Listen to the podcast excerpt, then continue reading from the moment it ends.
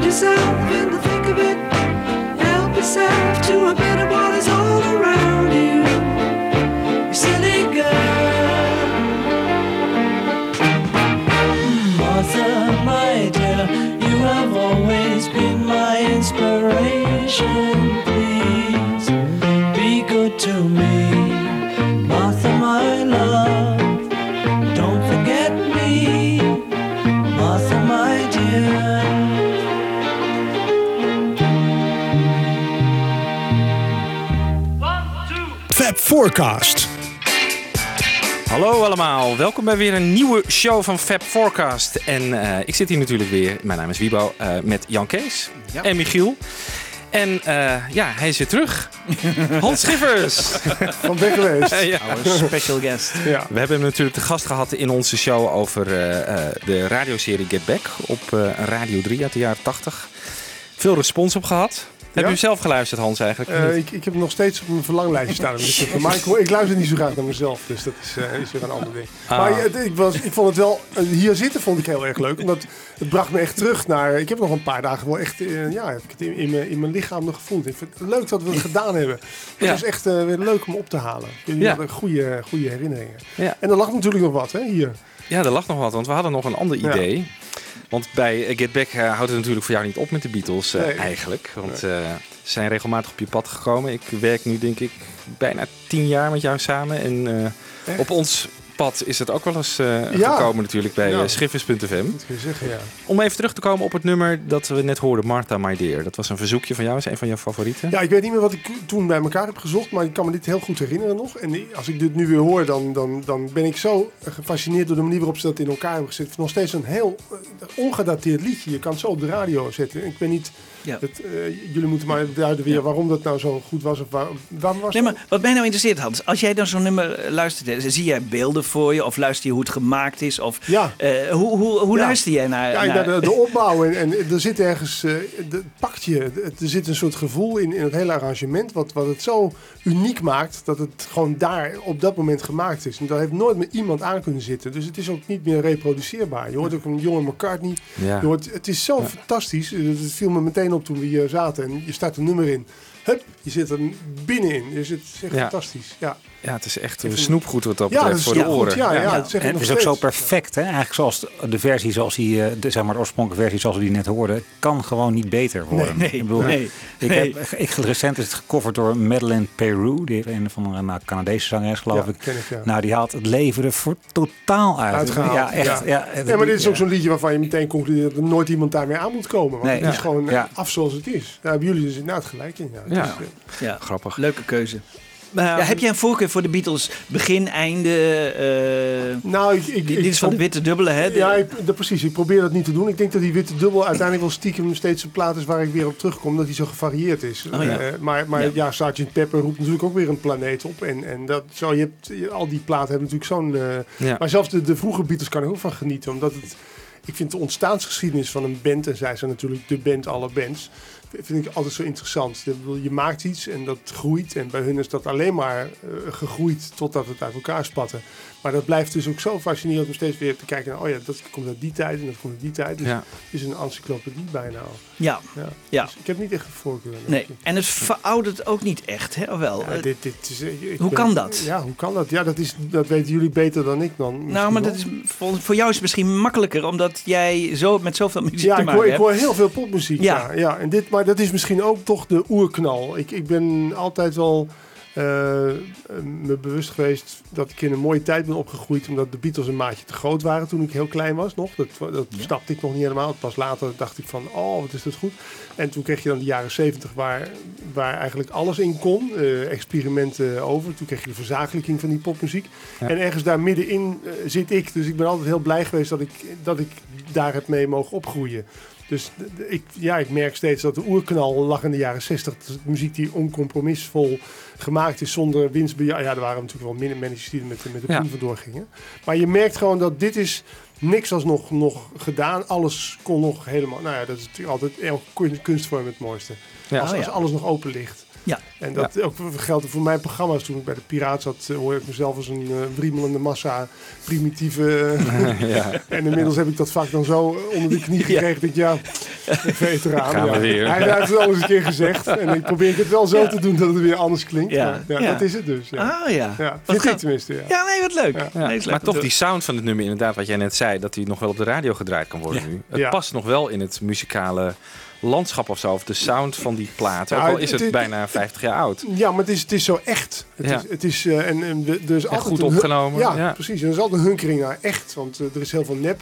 En dat weet eigenlijk iedereen. En nep is prima, want het is nou eenmaal om ons heen. Daar zijn we gewend geraakt. Maar daartussendoor zijn toch de diamantjes. En dit is dan één hiervan. Ja. Ja, dit is gewoon echt gemaakt vanuit een pure zuiverheid. Of zo. Ja. Ja. Ja. Komen er nog weer ooit weer eens nieuwe Beatles? Nee, nee, nee. Nee, is dat, is dat, is dat eenmalig? Ik bedoel, is dat...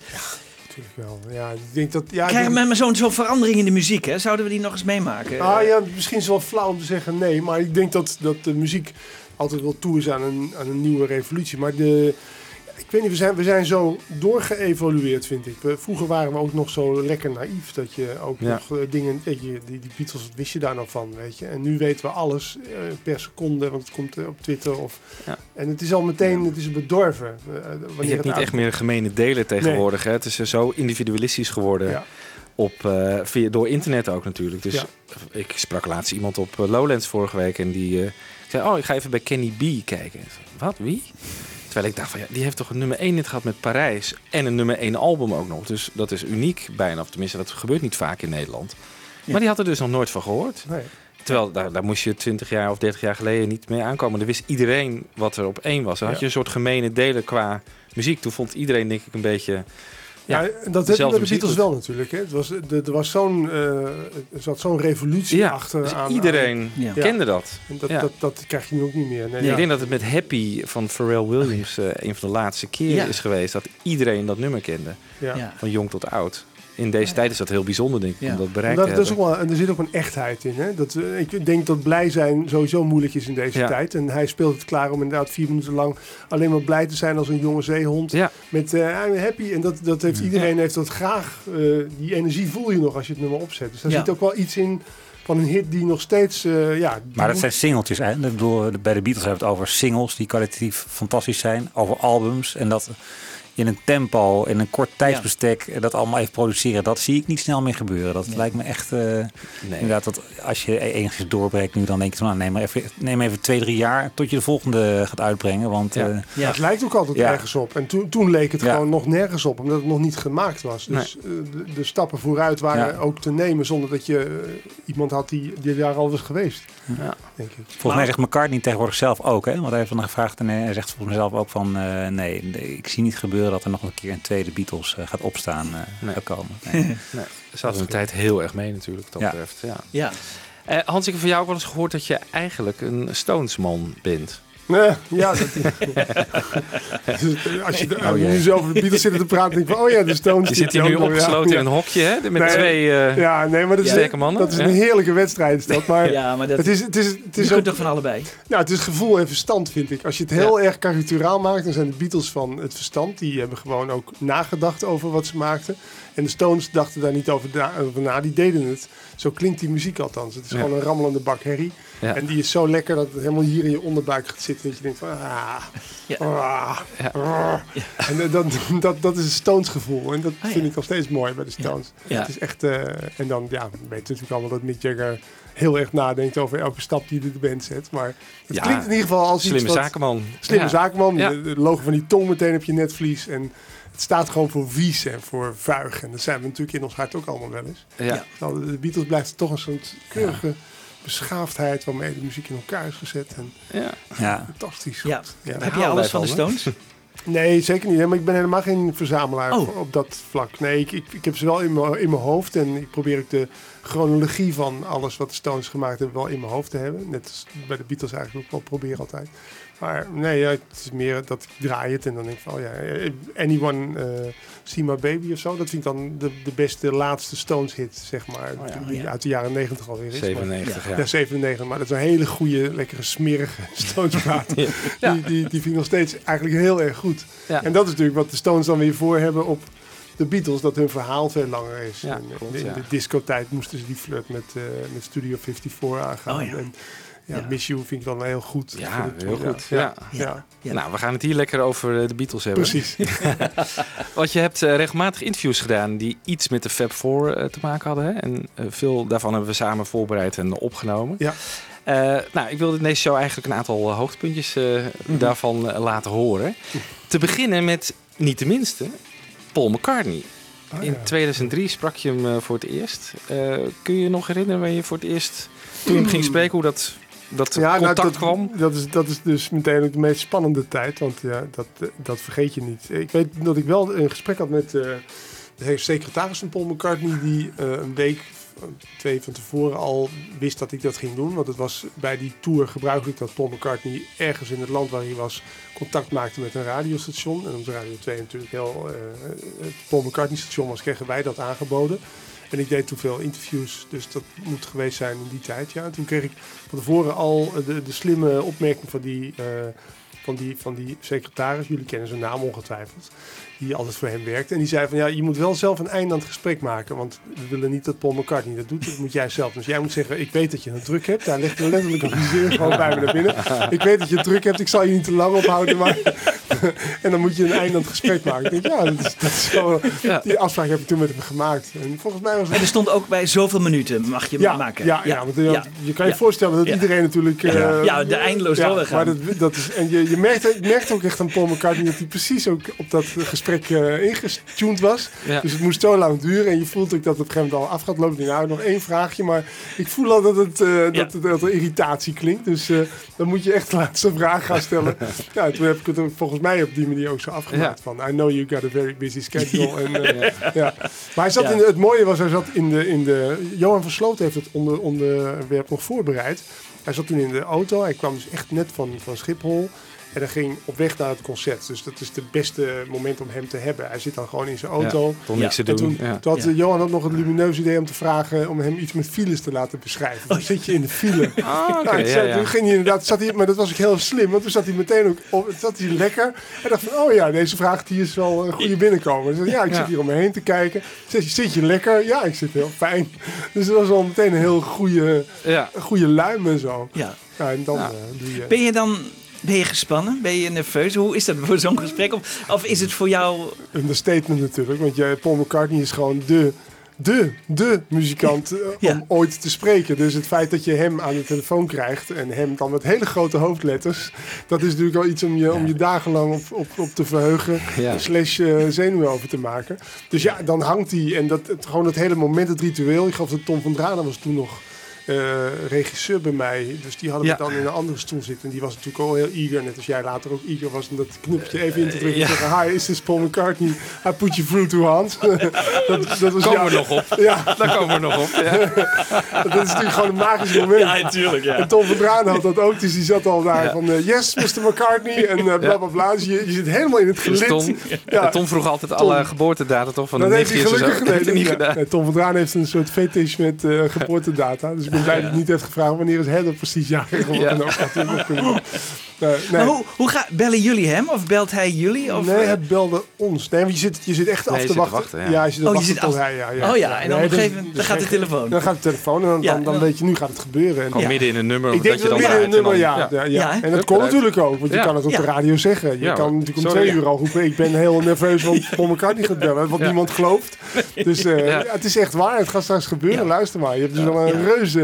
Tease heb je gewoon voor het moment dat het gaat gebeuren. En hij zegt wel van echt op een bepaald moment. Of zegt hij van ja, je moet de hele middag vrij nemen. Want ik kan Nee, een- dat was wel ongeveer een tijd voor Ja. afgesproken. Ja, dus, eh, Ja. En, Ja. eh, ja. Ja, en dan mag je eigenlijk wel alles vragen. Alleen het moet wel, ja, je moet je ook beperken hè, in, in zoiets. En het is natuurlijk ook een gesprek weer, dat, dat moet niet te nerderig, want dat, dat voelt hij ook. Hij is ook Oh, ja. heel, Paul McCartney is natuurlijk heel erg bewust van, Ja. van wie er luisteren Ja. en, en Ja. alle Ja. informatie die erin ja, stopt. ja, dus het moet wat algemene dingen vragen die jij misschien al honderd keer hebt gehoord. Maar die moet je dan misschien wel dat- stellen. ja, en, en- Ja. ja, ik weet wel dat hij dat eerste gesprek ook dat hij het leuk vond dat ik zei dat hij zo'n mooie band had. Dat meende ik ook, want ik had die, die tour in Amerika had ik al gezien op, op eh, DVD, waarbij regelmatig ook de tranen in mijn ogen schoten omdat het publiek zo in vervoering was. Die Oh. Amerikanen waren zo Ja. onder de indruk van wat hij daar deed, dat, Ja. dat ik zat thuis ook toen ik die video's had Waarschijnlijk de Space Within uh, Us of niet. Die Nee, is- het was eh, Back in the US. Back in the Back in US, the ja, US, ja, Back in ja, the US. de eerste tour na Maar dat- ja. Linda's dood. Heel Ja. mooi gemonteerd ook met, met, met band, kinderen ja. die op de schouders van vader zaten. En dan even Oh ja. precies het shot op het juiste Ja. moment. Dat, nou, ik krijg nu nog rillingen van. Het is zo mooi uitgemonteerd. Ja. En dan zit Paul McCartney daar gewoon als een koning zit hij daar Ja. op het podium eh likable te zijn. Ja. en vervolgens, ja, dan krijg je te zien wat hij er tussendoor doet. En die hele, dus dat, dan ben je al in zo'n mood. Dus zei ik van, wat een fantastische band heb je of zo. En toen zei Ja. hij van, I'm glad you say it, Hans. Because that, that, Ja. Oh, je spreekt je ook met Hans dan aan? Ja, ja, tuurlijk, ja, ja, dat, ja, is, ja, dat is ja. ook, dat Ja. is natuurlijk, ja, Ja. dat is, dat is. Ze pakken deel je van zijn helemaal show. in. Ja, Ja. Maar dat ben ik wel gewend. ik krijg van eh, iemand als Anastasia al zoentjes, weet je wel. Hans, Kisses, love ja, you. kisses, love you. Voordat het interview begonnen is. weet je. Inderdaad. ja. Ja, dat weten ze altijd heel goed Ja, dat is wel knap, hè? Dat is wel knap, ja. Maar zullen we even naar het interview gaan luisteren? Want het is niet zo heel lang. 3 minuten 40 zie Oh, ik we hier. gaan het helemaal horen. Ja, leuk. Ja, leuk. Ja, kom op Hans, is leuk. Ja. En uh, wie, wie was er even? Dit is dus 2003. 2003, ja. Oké. Hij gaat naar April volgens mij. Gelderdoom is hij onderweg. Ja. Ja. ja. en het is middags. Dus hij is op weg naar de soundcheck. Ja. En oh, dus, hoe, laat, en hoe laat had jij altijd eh, die tijd? Ik had eh, twee tot vijf, denk ik. of wow, zo. drie uur lang. Ja, oh drie ja, uur dus we lang. weten Ja, niet precies Ik hoe weet laat niet het hoe is. laat, maar, Nee, maar ja, het zal... laat het ergens om rond drie uur geweest zijn. Komt ie. Hij is aan de telefoon op dit moment. Mr. Paul McCartney, Hey, come in up. how are you doing? Hey, great, thanks, Hans. How are you? I'm fine, thank you. Welcome to Holland. Where are you right now? Thanks, man. We just come in from uh, Rotterdam Airport, and we're on the motorway. Um, There's no traffic at the moment.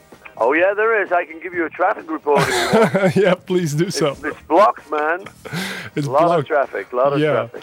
I can imagine how excited the fans are who are traveling to the concert right now. I don't know if you can see some of them already. I may, maybe I will. Yeah, I can't see any right now. Just see a lot of uh, cars in the traffic jam. But um, yeah, if if if I do see any, I'll give them a wave. Good. So you, you are traveling to the concert as yourselves uh, as well. So how are you right now? Are you sitting comfortably and feeling comfortable? Yeah, feeling great. Yeah, I say we just came in from England, me and the band and our our immediate party just came in. We're going to go to the gig in Arnhem and we'll do a nice sound check. So it's always good fun to have a play. Always look forward to getting uh, strapping my guitar on, you know, and having a little play. Yeah, great. Well, you have been in Holland before, of course, but for the Dutch, the deepest impact had your visit with the Beatles in 1964. Everyone in Holland remembers the round trip through the Amsterdam canals, its history, and people even wrote books about this. Uh, What do you remember about this day? Anything? Oh, it was, it was a beautiful day. Yeah, you know, it's always um, nice when you're on tour to do something a little bit different because you otherwise you're just in a car, in a hotel, on a stage, back in a car, back in a hotel. So um, being in Amsterdam, you know, it was the opportunity. Uh, I think it was probably a publicity guy said, you know, we can go on the on the canals, and we said, yeah. So it was a really beautiful day, and um, I don't think we realized how many people were going to show up, though. No, they, they even But it, it was very exciting, yeah. they even jumped into the water. You remember that? yeah, I know, I know. Okay, well, Uh, this is 39 years ago, and now 25,000 people are waiting for you at the Gelredome Stadion in Arnhem. And I spoke Yeah. to someone who said me, if he's only going to stand on the stage without doing anything, I would be satisfied as well. Uh, well, we do a bit more than that. Good. Well, your show has been called the greatest hit show on earth with 22 Beatles songs and anything from your solo albums and Wings albums as well. I enjoyed watching the DVD, so I will be there tonight as well, and enjoying myself. So, and you've got a great band, do you? Oh yeah, really cool band. Thanks for saying that. Yeah, I, I love them. You know, it's um, we just really started out last year, and we'd done a little bit of work before then, but started touring uh, live last year, and uh, we really enjoy playing together. You know, we enjoy each other's company. They're really good musicians. Make a good noise. Make a nice big rock and roll noise. Yeah. And uh, good singers, good players. Yeah. So we have a lot of fun on stage. And uh, that shows, of course. Did you bring your ukulele with you? Oh yeah, you did. Oh yeah. Well, That's uh, that's a Gibson ukulele that George gave me actually. Okay, and you're going to perform the same song as I saw yesterday on the DVD? Yeah. Oh, okay, yeah, okay, I did that as a tribute to George. Yeah, that's right. Okay, I'm not going to tell what what song. People will see that tonight. Well, Cool. it's, it's been great talking to you, and it's a couple of hours before, before showtime. I think you're very busy now. So take care, and I hope you have a lovely show tonight. Okay, Hans. Thanks a lot, man. Nice to talk to you, and all the best to all your listeners. Uh, let's have a great party. Bye bye, Paul McCartney. Ja. Nou, wat vind je ervan, Hans? Nou ja, ik hoor, ik zit, ja, dit zijn nooit feesten voor mij hoor. Dit, ja, je zit, natuurlijk, eh, hij zegt iets heel moois over John Lennon gave it to me. Daar ga ik totaal aan George, voorbij. ja, Ja, ja. George, ja, sorry, Ja. sorry, Ja. George. Ja. Dus ik- dat had ik natuurlijk veel meer op in moeten gaan. Ik merk ook dat ik echt een papiertje voor me had met alles wat ik wilde zeggen. Dat ik mezelf helemaal aan het comprimeren ben om het zo snel mogelijk uit mijn mond te krijgen. Ja. Dus ja, je neemt geen tijd om, om te Nee, improviseren. maar dat kan ook niet, volgens mij. Is dat heel Nou, al- alles kan, maar je moet de rust dan hebben om dat, Ja, zeker als ja. het zo'n eerste keer is, om dat dan gewoon ook eh, apart te leggen. Ja. Nou, ik zie Ja. wel waar ik kom en dan krijg je veel interessantere dingen. Dus ik merk dat ik er als een trein doorheen ga. En Ja. Oh ja, gelukkig. Hij heeft ook, want ik wist ook niet of hij het leuk zou vinden om over die grachten te praten. Ja. Want ik had natuurlijk ook wel willen weten wie, wie heeft dat toen verzonnen. Gelukkig riep Ja. iets over publicity ja, guy ja, of zo. ja. Ja. Maar ik, dacht wel van, nou ja, oké, gelukkig. Die vraag heeft hij willen beantwoorden. Want voor hetzelfde gaat zegt hij, Ja, dat wisten we toen ook nog niet, hè? Nee. Nee, dat misschien weet hij het helemaal niet meer. Nee, of dat komt hij met een vaag geen zin heeft, heeft om over Ja. die Beatle-tijd te praten. En is Dat het kan zonde, allemaal. want dan Ja. ben je... Dus ik, kwijt. was, ik was heel blij dat hij alle onderwerpjes... eh, Dat hoor je ook echt opgelucht. Oké, dit heeft hij Ja. beantwoord. Dan snel naar de ukulele. En, Ja, eh, ja. Ja, dat wist hij nog wel volgens mij van die eh, kanalen eh, tocht Ja. in 64. Ja. Dat heeft wel indruk gemaakt in die tijd volgens mij. Ja. Wat hij zegt van ja, normaal was het altijd hotel in, eh, concerthal eh, in en, en nu Ja, dit was maar iets heel speciaals. niet, eh, ongeveer een, eh, tien jaar daarvoor was hij in Nederland geweest. Heeft hij het nog een keer opnieuw gekeken. Hè? Ja, en bij Simone Walraaf in Bij Simone Countdown. Walraaf. hè? Ja. Toen heeft hij het in Nederland heeft hij het opnieuw Ja, gekeken ja, hè, ja. op televisie en zo. Dus, eh, maar ik denk dat hij het wel heeft onthouden. Want dit was wel iets wat, eh, wat ook grote indruk Hij op zei het ook? Je zit normaal in een auto of je ja, zit in ja, een ja, andere precies, locatie. precies. Ja. Ja, en hij wist dat het een mooie dag was en zo. Dus dat, ik denk ook niet dat hij heel veel meer ervan weet. Maar dat soort dingen onthoudt hij natuurlijk wel. Dat is wel grappig, hè? Dat is wel ik, leuk. was- ik was dan heel blij om te zeggen, wist je dat mensen in het water sprongen? Ja, Ja, ja, ja, ja. dat weet ik nog wel. Ja. Ja, Dat. Was ik heel blij met. Ik dacht, ja. Ja, people wrote books about it, zei ik. Someone like was Yankees, jouw, eh, jouw boek was toen nog niet uit, Nee, toch? was niet eens nee. uit. Nee, nee, Nee. nee. Maar er was toen al, eh, was ook wel over geschreven. Het is natuurlijk ook leuk. Ik vind wel, eh, nee, ik vind, ik vind het toch knap hoor, hoe je dat doet. Want ik, je, je zult er maar zo, hè, je zult maar met die McCartney op dat moment, ik, ik, ik, zou, ik zou er ook moeite mee hebben hoor. Maar ik weet niet. Ja, ik ook hoor.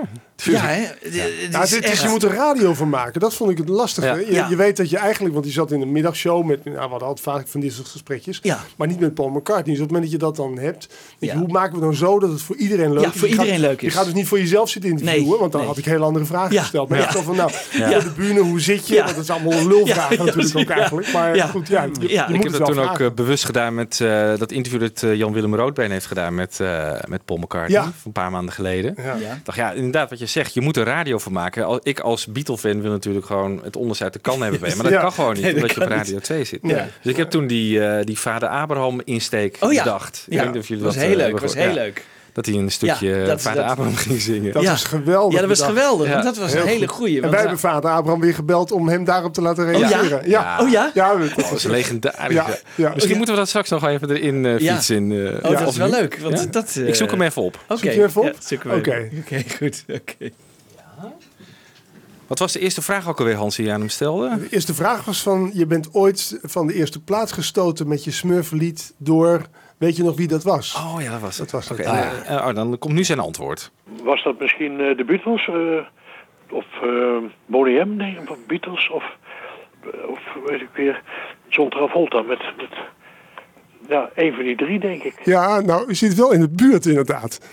Het was namelijk Paul McCartney met Mulligan Tire. Ja, ja, wat ik net zei. Maar dat was dan Paul McCartney, dat was hij alleen, ja. Dat was hij alleen. Ja, dat, dat, dat was gewoon dat prachtige lied. Dat klopt, Paul McCartney is eh, dit weekend in Nederland. ja. Hij speelt in de Ziggo Dome. En eh, heeft u enig idee of hij zich dat nummer nou zou herinneren nog? Dat moet haast wel.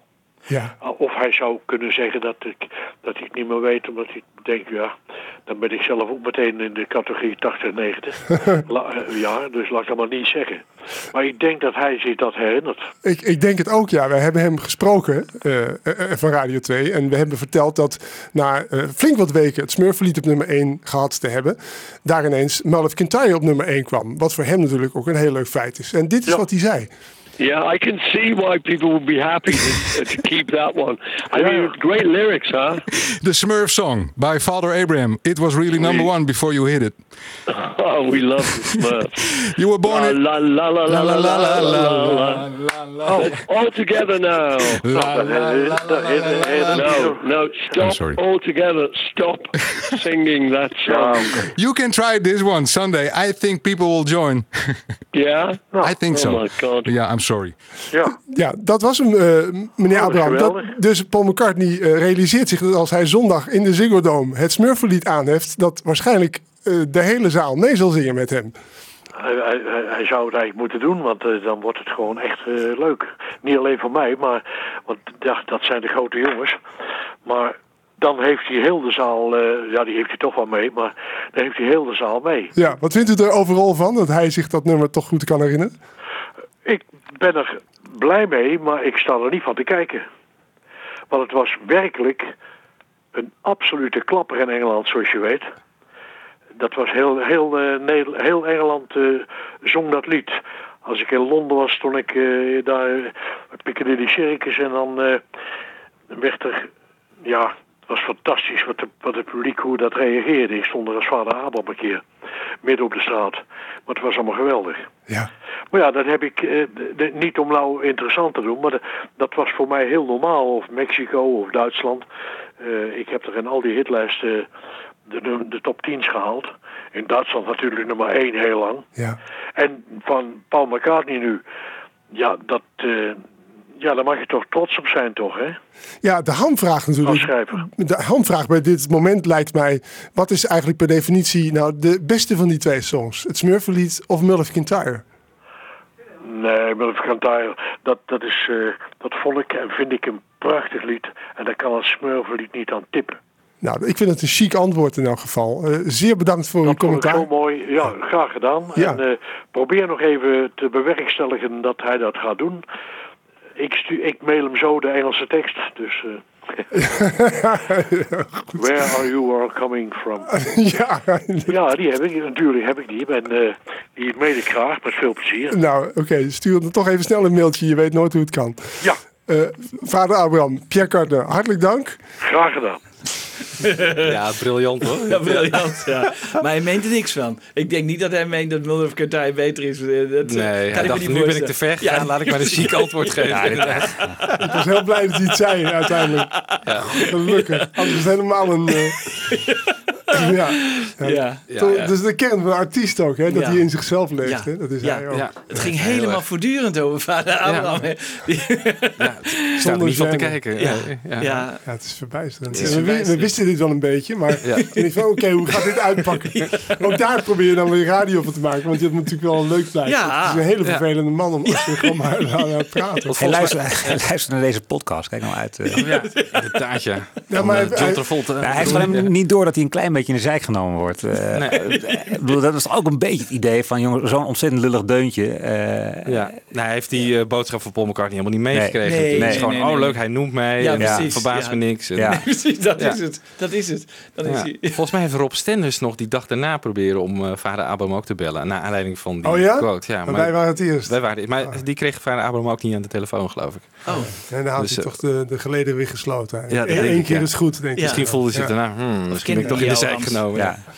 Goed. Terug naar die eh, eh, eh, dag in eh, 2003. Want jij zei het al in het interview met Paul. Van ik ga er vanavond ook naartoe. Ja, dat had nog een, een, een raar staartje, want eh, ik, dat was in het Gelderdoom. En ik was natuurlijk, als je naar het interview, als je, als je luistert, snap je dat ik helemaal in euforische staat was. Dus ik moest zo snel mogelijk naar huis, kleding aan, eh Rob mee, auto in, naar Gelderdoom. Alleen, dat, het was een, eh, een colerenzooi, om het zo maar te zeggen. Overal auto's, files, we waren al laat en we moesten ook allemaal haast, haast, haast. Dus eh, nou, we komen bij dat Gelderdoom in de buurt ook helemaal vol met, met auto's. En we moesten die auto kwijt. En ik was zo in de staat, ik zei, dit is het sleutelconcert van mijn leven. Dit is gewoon, dit- moet ik zien, want ik heb Paul McCartney geïnterviewd. En bovendien zei hij, nou, enzovoort. Die zei, ja, ja, ja, we moeten wel onze auto kwijt. Ja, maar we moeten wel onze auto kwijt. En snel ook. Dus ik werd al steeds ongeduldiger. En eh, we reden een rondje om dat En nou ja, we kwamen weer terug, want nergens was die auto te parkeren. Was chaos. Ik, wat ik nooit doe, is dat ik uit de auto stapte... en een paar jongens daar aan de achterkant van het stadion... ging vertellen dat ik Hans Schiffers was. en dat ik, eh, dat ik naar binnen moest, want ik had kaartjes voor het concert. Nou, die keken me aan alsof ze helemaal nooit eh, wisten wie, wie überhaupt Hans Schiffers was. Dus ik, nou, ik ging weer droog mijn auto in afgedroogd. En eh, ik zei tegen Rob, we gingen ruzie maken en harde ruzie maken. Ik zeg, zet hem dan hier dan neer, weet je. Hier kan je toch neerzetten. Niks ervan, want die stoep is te hoog. Dan komt die auto, kan ik die auto niet neerzetten. Hij kreeg steeds minder zin in ook. Dus wij hadden grote heibel. en op een gegeven moment eh, hebben we een agent gezien. En dan draai je het raampje open van, van, de, van, van de auto. En die agent zei, meneer, het is één grote chaos. Ik mag het niet zeggen tegen u, maar als u die straat daarin rijdt... dan mag u wat mij betreft neerzetten, want ik zou het ook anders niet meer weten. Dus oké, nou dat doen we. Dus we draaien het raampje open. Klonk, hele raam kapot. Zakte zo naar beneden.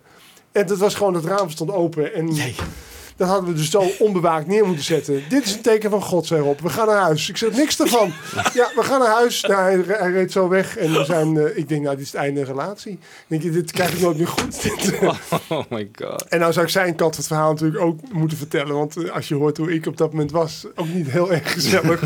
Dus ik heb thuis het eerste wat ik deed was... Maar gingen jullie naar huis? We gingen naar huis. Echt? Ja, hij had ook geen zin meer om mij af te zetten. En, eh, Nee? nou, hij zat achter het stuur, dus... eh, hij Ja, had, je hebt zo uit kunnen ik had zo stappen. uit kunnen stappen. Nou, dat heb ik natuurlijk overwogen. Maar ik, ja, dat is, dan pak je toch jezelf bij elkaar. En ik vind, ja, oké, het concert is lang en breed begonnen. Ik zie dit niet en ik kom waarschijnlijk dan ook niet meer thuis. Ik denk, nou ja... We hebben, nou, ik heb, we hebben niks meer tegen elkaar gezegd. Ik kwam thuis, ik heb van Tom van Raan gebeld en gezegd: Weet je waar ik sta? Nee, ik sta thuis. Wat? Zegt hij. Ja, pech, want ik kon nergens parkeren, ruzie, bla bla bla.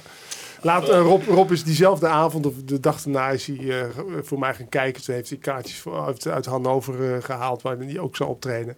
En daar was alles perfect georganiseerd. Ja, We hebben natuurlijk. een heerlijke Duitsland, middag gehad. ja. Duitsland kon een kaart ophalen. Niks aan de hand. We hebben daar een lekker concert gehad. En we hebben daar gewoon gezeten. Rob vond het een beetje een bejaardensoos, want die houdt helemaal niet van dit soort concerten. Dus van, iedereen zat maar mee te zingen. En die Duitsers waren helemaal in een volle Ja. aanbidding natuurlijk ook. Maar het was... Het was, eh, was Dus je bent helemaal weer met hem naar Duitsland gegaan. Ja, we zijn al... We zijn dus de zeven- relatie is wel weer we zijn hersteld. 27 jaar samen, dus we kunnen wel een stootje hebben. Maar ik dacht, is echt het, het, scheur, het schakelmoment in de relatie waarbij ik dacht, nou, dit is het einde, dit gaat nooit meer goed komen. Ja. Erg? Ja. Maar ja, dat is ook, je, ja, dat is ook je ego weer. hè, eh. We gaan even, even muziek luisteren. Ja, leuk.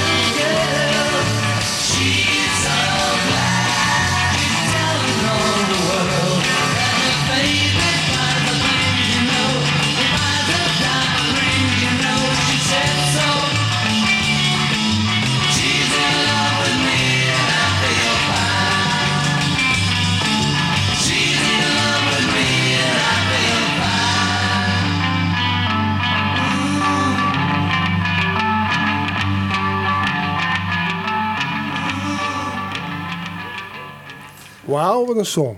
I Feel Fine. Ja. Ja, Ja. lekker. Ja. Het was een of andere vreemde Amerikaanse mix met heel veel eh, Ja. galm erop. Ja, wel, wel Vast anders, van ja. Dave Ja. Dexter. Dave Dexter, ja. Heeft hij dat vergant allemaal? Ja, die deed Ja, het allemaal. Die dacht dat, dat het Amerikaanse publiek dat beter kon pruimen. Hè? Dat weten jullie Ja. weer allemaal. Mooi. Ja. Ja. Maar wel zo'n song die, die eh, ja, als je dat hoort, dan wil je er gewoon zo terugkruipen in die tijd of zo. Dat is, heeft zo'n verrukkelijk gevoel van, van, ik heb het niet eens meegemaakt echt, maar Ja. als je het hoort, denk je, ja, daar wil je zijn op dat Ja. moment. Dat zit Had jij in. graag de jaren 60 bewust echt mee willen Heel, maken? heel lang wel natuurlijk. Ja. Je had altijd het idee dat je te, te, te laat geboren was of zo. Dat, dat hoor je nu van Jacco Gartners en, en dat soort mensen ook terug. Maar daar, daar zit toch ergens iets in die tijd, een soort... Ik had het laatst ook met God Only Knows van de Beach Boys, weet je. Toen, toen ging Matthijs van Nieuwkerk nog eh, doorzeuren dat dat weer opnieuw zo... Dat, ja, dat krijg je niet meer voor elkaar. Dat nummer is, is zo goed, omdat het iets vertelt over de tijd die toen was. Ja. En die tijd had zoiets bijzonders. Het is zo'n van een magnetische uitstraling zat er in, in, in die, die tijd. Ik, ik, dat is bij fascinerend. Ja, ik vind iedere keer weer als ik het hoor, denk ik, ja, nee, dat is, dat is echt, dat was Ja. toen. Ehm, we hadden net Paul McCartney interview natuurlijk eh, gehoord. Ehm, hij is natuurlijk even een soort schild om zich heen hè, als je hem interviewt. Eh, waar heel veel eh, journalisten tegenaan lopen en gewoon eigenlijk niet doorkomen. Ehm, hoe het is om Paul McCartney te zijn, heb je wel eens over gefilosofeerd met zijn vaste fotograaf. In die tijd belden wij gewoon met de vaste fotograaf Paul McCartney, kun je je voorstellen. Leuk. Bill Bernstein, weet je dat nog? Ja, zeg Ja. me vaag nog wel, ja. Ja. ja. Wat leuk. Nou, Dus heb je ermee gebeld? daar hebben we toen mee gebeld, ja, over hoe het is om Paul McCartney te zijn. En, Ah. eh, dit was toen zijn eh, antwoord. Leuk. But I think it, it must be extremely difficult for Paul McCartney to be Paul McCartney because people have all these expectations and he's so famous that how can you live up to Yeah. what But other he's- people But he's been Paul. He's been this Paul McCartney for a long time, and he knows he knows that Paul McCartney, and he's he's basically from that sort of very, I guess, um, you know, not lower class, but maybe lower middle class background in Liverpool. Never really had that much money. Very grounded sort of um, upbringing with a, a really loving father and a loving mother, and a very close family you know, he's very very close to a lot of people in Liverpool still. I photographed his wedding, and it was full of people, old old friends from Liverpool. And sometimes during the course of the tour, people will stop by that knew hadn't seen him in 40 years, you know, 45 years since they, you know, since they were his babysitter back in Liverpool, you know, when he was five years old. You know, Yeah. Would- these people would just appear, and you know, he's got a lot of grounding in that sense. So you know, but but then you put on top of that somebody who has been so incredibly famous, really since the age of I don't know twenty maybe, like just one of the the most famous faces, and people people um, around the world um, feel so identified with him, you know, and there's such a such a reaction when when people see him for the first time. You know, there he is. My God, you know, they look at him and they're they're overwhelmed, you know. But you know, he's he's been that way for so long, and he's had to deal with that for so long that he really knows how to deal with it, and he's really good at it. Bizar eigenlijk, hè, om eh McCartney te zijn. Ik vond dat hij het wel mooi onder woorden Ja. had gebracht. Het brengt wel mooi onder Ja. woorden, maar hij vertelt ook niks nieuws weer. Nee. Ja, het is van McCartney-kant natuurlijk. Toen werkte hij nog voor McCartney. Nu heeft hij geloof ik een andere fotograaf. Maar eh, Ja. Bernstein. Hij doelde op het huwelijk met Heather waarschijnlijk. Ja. Hè? Dit heeft hij ja, gefotografeerd. dat was ja. ook. Dit was uit 2006. Dus Ja, toen ja. gingen ze bijna uit elkaar volgens mij. die Ja. Ja. Nou goed, ik vond het wel mooi. Hoe zou, je, hoe zou jij de echte Paul McCartney... eh, zou je die in een interview aan de oppervlakte kunnen krijgen, denk je? Of... Nou ja, het, het is heel spannend natuurlijk. Ik, dat zou ik wel eh, als, als een uitdaging zien als je echt langer met hem zit. Ja. Maar de vraag is ook of het, of het gaat lukken. En het hangt heel erg van het moment af, denk ik. Maar ja, je- en je moet het een beetje... Ja, ik weet niet. Dat, wat ik heel mooi... Ik heb dat boek laatst gelezen, eh, McCartney in de 70s, On, on the Run. Oh ja. Ja. En dat, vond ik, dat boek heeft, me, heeft wel indruk op me gemaakt. Omdat je een totaal andere man leert kennen. Ja. Die hij dus ook is geweest. I- iemand die niet nog zo alle respect van de hele wereld kreeg. En nog niet die aardige... Nog een beetje een plek moesten verwerven. Ja, een plek moest verwerven. En, dat, en dan zie je ook kom je een heel ander beeld tegen van die man. En dat, ik vond het wel heel goed gedaan van die. Ik weet niet wie hij was. Die weten jullie beter dan ik misschien die schrijver. Maar hij had in ieder geval. ehm hij Tom wist, Doyle ongelooflijk. Tom Ja, Doyle, Tom ja, Doyle, precies. Ja. En hij wist wel. eh, Op, op deze manier aannemelijk te maken dat McCartney gewoon echt in verwarring is. En ook niet heel goed is in het onderhouden van contacten met mensen en zo. Dat hij heel onhandig omgaat. Ook dat hij ook weer geen leider is eh, zozeer, maar ook ingewend is in zichzelf te leven, dat hij gewoon ook heel veel brokken maakt. En dat mensen dus ook om Ja. hem heen heel erg ongelukkig zijn geworden. Wat ook weer verklaart dat hij toen met Bent on the Run alleen is gelaten, weet je, in, in, eh, met, met die andere jongen. Danny, eh, Met de enige, die, die Ja, tot, Danny maar Lane. trouwens op het laatst ook weer zich van hem afkeerde. Dus de- dan merk je, oh ja, dan ontstaat er ineens een heel ander beeld, heel ongelukkig eigenlijk. Dan denk je, jee, dan, dan snap je hoe het is om McCartney te zijn. Dat vond ik eigenlijk de enige echte keer dat, dat je een andere McCartney leerde kennen. Ja, En door dat is boek, dus- ja. Door dat boek, ja. Ja. Dat Dat, dat heb ik altijd onthouden. Nou, wij lezen zo'n beetje alle interviews die er wel verschijnen. En heb je nou in de la- laatste jaren echt enorme, openhartige, groundbreaking interviews... waar je denkt van, goh, hier hoor ik echt iets nieuws. Nou, echt een kant van niet. McCartney. Er is wel een interview van een jaar of tien geleden volgens mij. Ken je Ja. dat toch uit Ja. Uncut? Ja, Ja, ja, die uit is goed, die is 2004, goed. ja. En Die dat is is Wat echt, is, daar, wat is daar goed aan? Nou, daar is goed aan dat hij bijvoorbeeld eh, kritisch is over zichzelf, over bepaalde platen uit zijn verleden. Dat, Ja. dat hoor je hem eigenlijk ook nooit zijn. Nee. En dan zegt hij bijvoorbeeld, ja, press to play, ja, dat was toch een beetje een misser. En Ja, eh, ja. nou ja, dat, dat, dat is echt Dat- wel, eh, dat is wel wat hoor. hij- Ja, dat zo is echt Ja. heel wat dat hij dat Ja. zegt. Dat hij dat zegt, ja. En ook over andere dingen, ik weet het daar niet meer precies. Nou ja. Hij was Ja. over die singlekeuzes ook heel onzeker. Want die, die Ja. Good Ja. Night Tonight en zo heeft hij zo aan getwijfeld, eh, merkte ik. Dat, dat, nou, dan moesten anderen in hem dan weer in overtuigen. En hij was ook heel erg, ja, hij, heeft, hij was ook zuinig trouwens. We zaten toen ook met die opname geloof ik op een hele grote schip of zo ergens. Ja. Dat is helemaal Ja. niks voor hem. Want Van normaal London heeft hij- Town, ja. Ja, precies. Maar ik heb wel die, die daar dus op die range met, met Linda is het meest eh eager of het meest eh, in, in comfort is geweest ook. In, in die periode dan. Want ze waren natuurlijk allemaal bezig om te Ja. fileren of zo. Daar in Schotland. Ja, hij lag natuurlijk Ja. onder vuur. Omdat hij, onder de, vuur. Ja. ja, de schuld kreeg van Ja. de break-up of the Beatles. Ja. Eh, Ja. Maar het, de- inmiddels is hij natuurlijk gewoon niet meer te pakken ook. Hij is, hij is natuurlijk zo McCartney en zo, zo groot als, als schil om zich heen Ja. geworden. Dat, dat, daar kom je nooit meer En volgens mij is hij toch ook zuiniger op zijn tijd of zo. Eh, ik bedoel, voor, in de jaren 70 is hij misschien wel een jaartje gewoon. Jij is wel een tour de hele tijd. Jaren 80 bijvoorbeeld, denk ik wel van nou, dat je ook, hij is ook met zijn kinderen die opgroeien en Ja. daar is hij veel mee bezig. Ja. En nu, wat hij allemaal doet in een jaar. Hij zegt Ja. nu weer, is hij nu weer, gaat hij naar Noord-Amerika weer wat tours doen, eh, wat concerten waar. doen. Hij is zo druk bezig. Dus Ja. het is volgens mij steeds moeilijker om even eh, ook te pakken te krijgen. Ja. En even, Maar het zou best kunnen zijn. Hè? Wat jij zegt, hij is zuiniger met zijn tijd. Nu, nu die ouder wordt, hij, ik bedoel, hij beseft natuurlijk dat hij niet meer zo heel lang heeft. En Ja. ook niet in deze conditie. Hè? nee. Want eh, ik bedoel, hij, is- hij treedt nu nog 2,5, 3 uur op. En dat is natuurlijk enorm. Dat kan hij nog, maar eh, hoe lang nog? Hè? En, en, Ja. en ook zijn tijd verdelen tussen allerlei projecten. Ja. Ik denk inderdaad dat hij, dat hij dat nu ten dege beseft. Met een kind wat natuurlijk heel jong is. Wat Ja. hij nog, eh, waar hij alles uit wil halen. Ik kan me Ja. daar wel wa- wat bij voorstellen. Hij doet ook minder interviews, hè?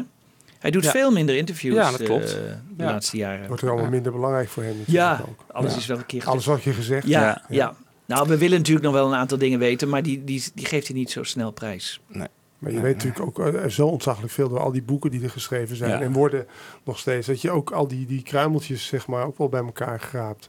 Ja, grijpt. Ja, en, en als hij, ik vraag me vaak af hoe het is om, om als hij er niet meer is ineens, dan ja, dat is bijna een, een, een idiote gedachte. Dus net alsof de popmuziek ook ineens weer ophoudt te bestaan bijna. Of zo. Het is natuurlijk onzin, maar Ja. dan is het de oorsprong is Ja. weg. En hij is Ja. toch de enige die echt nog.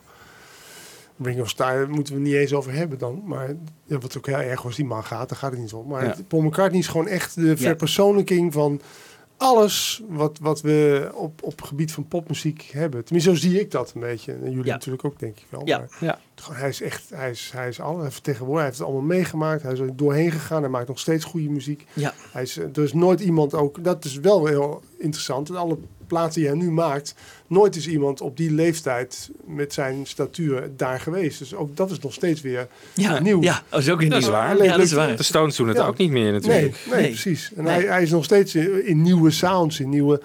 Ik weet niet of je dat nog laat horen, maar hij was toen ook een keer in een gesprek... hebben we hem doorgezaagd over een reggae liedje. Dus niet, en toen begon hij ook heel serieus op, op door te gaan. Van, ja, Ja. en- maar dan Of moet je het rap, wel goed... Ja, ja. Of rap, jij Ja, een dat heb ik rapliedje, nog, eh, ja, zoiets. Ja. Dat heb ik ook Ja. nog klaarstaan ergens. Ja. Nou, we gaan even een liedje draaien dan. Ja, Ja. ja. oké.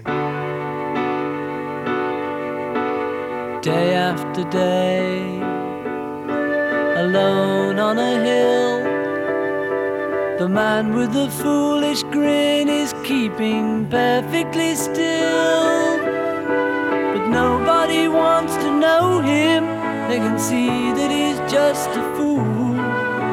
And he never gives an answer, but the fool on the hill sees the sun going down and the eyes in his head See the world spinning round. Well on the way, head in a cloud. The man of a thousand voices talking perfectly loud. Him or the sound he appears to make. And he never seems to notice what the fool on the hill sees the sun going down. And the eyes in his head see the world spinning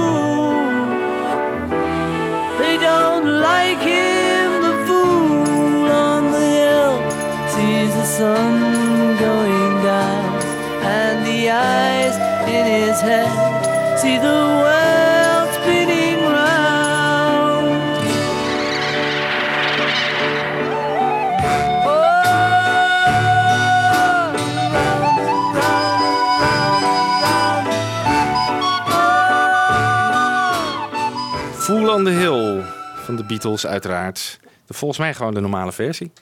Dat is ook heel leuk. Ja. Hans, elke favoriet van jou? Waarom? Ja, dit vond ik een... eh, ja, het is een heel ander, ander Beatle liedje. Komt uit die film, hè? Toch? Die tekenfilm. Met, nee, Magical Mystery Tour. Oh, Magical Mystery Tour. Oh ja, dan zie ik Ja. zo, weet ik niet paraat. Ja, ik net heb ik al een heel mooi sfeervol liedje gevonden. En eh, ik weet niet waarom ik het toen heb uitgezocht. Waarschijnlijk omdat het zo onderscheidend is. Het is, eh, het is een mooi droefgeestig liedje is het. Dus ja, het zijn allemaal juwelen natuurlijk ook.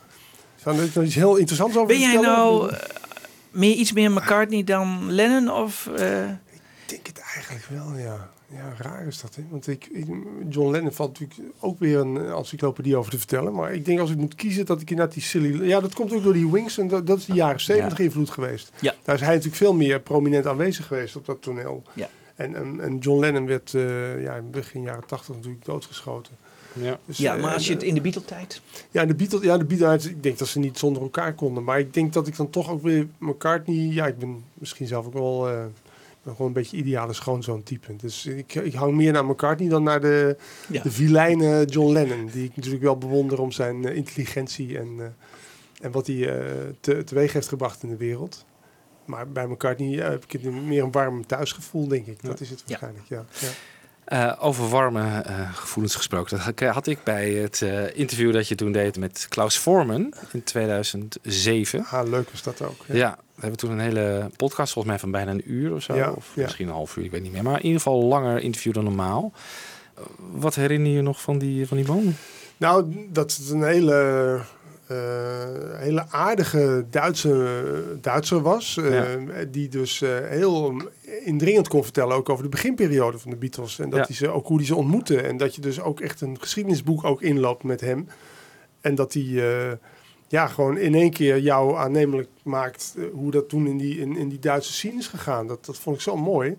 Later bleek hij dus ook de man achter Da Da Da van Trio. En Ja. heeft hij ook nog bas gespeeld op So Vain van Carly Simon. Dat vond ik ook allemaal indrukwekkend. Maar, maar hij was echt iemand... eh ik, wauw, je zit hier zomaar met zo'n man te praten... die ook nog gewoon graag vertelde. Want hij vond het zelf ook erg leuk om bij ons te zijn, Ja, volgens mij. ja, we hadden natuurlijk wel heel een dingetje van gemaakt. Echt een soort carrièreoverzicht eh, ervan gemaakt. Maar met daar- ja, jij, hebt, jij hebt ook bij gezeten natuurlijk. Ja, ik heb het een- toen met jou voorbereid. Ja, inderdaad. fantastisch Ja. toch? Was hij in de studio? Hij was in de studio, ja. Ah, Oké. Ja. En in het Duits? Nou, ik weet niet of we het Nou, een heel klein gesproken. stukje volgens mij. In het Ook begin wel- misschien. Ja, het is een keer ergens Duits gesproken. Dat je Ja. echt denkt van, oh ja, tuurlijk, het is een Ja. Duitser. Je Ja. vergeet dat het een Duitser is. Maar Ja. ja, Ja. nee, heel erg leuk. En, eh, en een mooie, een mooie man op, op oude leeftijd ook nog, weet je. Ik ben- Ja. Hij leeft toch nog, of niet? Ja, zeker. Ja, zeker. Ja, Ja, ja. zeker. Ja. Eh, het interview begon destijds zo. Okay, well, let's first listen to what George Harrison said about you when he introduced you in 1971 to a big audience during the concert for Bangladesh. There's somebody on bass who many people have heard about, but they never actually seen him. Klaus Forman.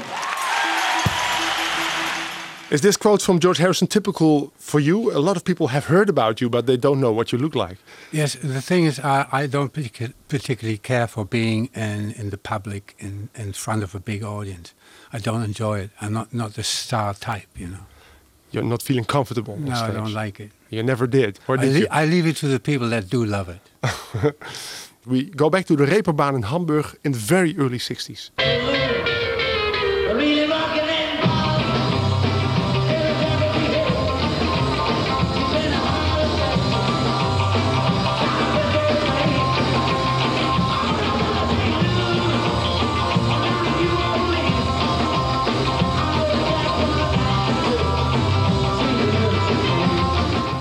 Your memories go back. I can see that on your face. Eh, Klaus hoorde deze muziek voor het eerst toen hij in een club op de Reeperbaan in Hamburg was. What was so special about this music? Well, I guess I don't know if you can hear it. I can hear it. It was uh, that's about the sound that came out of the cellar window when I heard it for the first time. It really made me very excited, and I had to go down there and see those bands play. And the very first band I heard was actually the Beatles. I don't know which song it was, I can't remember. But I remember that, that this was, for me, the reason I had to go down into those clubs, which I normally never did. They blew you away? Completely. Completely, yeah. Hmm. Leuk, hè? Ja. Leuk om iemand te horen vertellen. Ja. Hij zei ook van, ja, dat vond ik zo mooi dat hij zegt van, ja, dit was ongeveer het geluid dat ik hoorde toen ik daar op straat liep. Ja. eh. Ja. En het is natuurlijk ook zo'n eh amateuropname. En je kan je voorstellen dat het een beetje zo bedompt geklonken heeft. Ja. Ja. Misschien Ja. dat dit nummer is geweest, ja. Ja. Ik vond het heel beeldend. Heel toen. beeldend, ja. Ja, leuk. Zo, zo is hij er ook ingegaan. Dat Ja. is letterlijk ook, zo kwam hij bij die vriendenclub. eh, en, en, Ja, met die Astrid Kirchner natuurlijk. Die, eh, Je zult het maar Ja. meegemaakt hebben toch allemaal. Hè, Juist die, die, die begintijd en eh, hele veranderingen hebben gezien. En ook nog gewoon vrienden blijven met die jongens.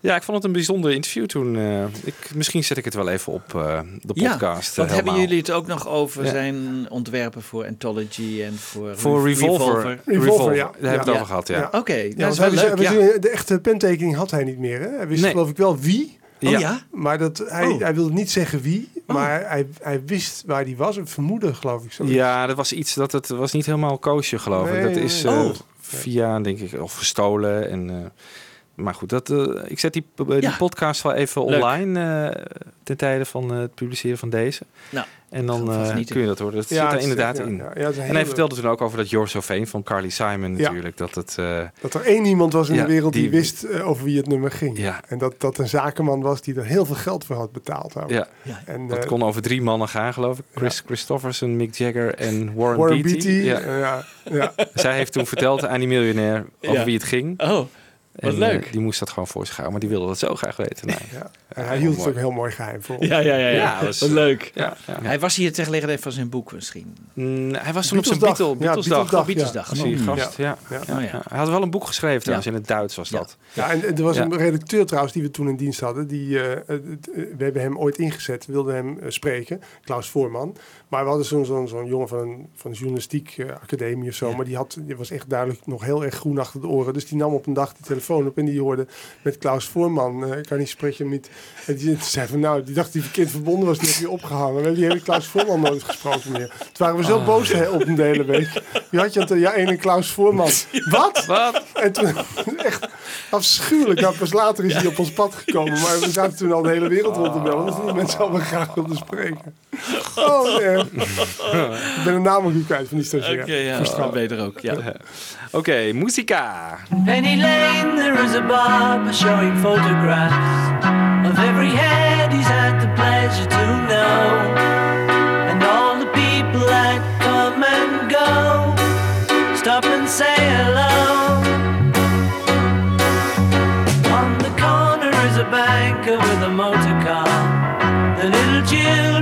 him behind his back.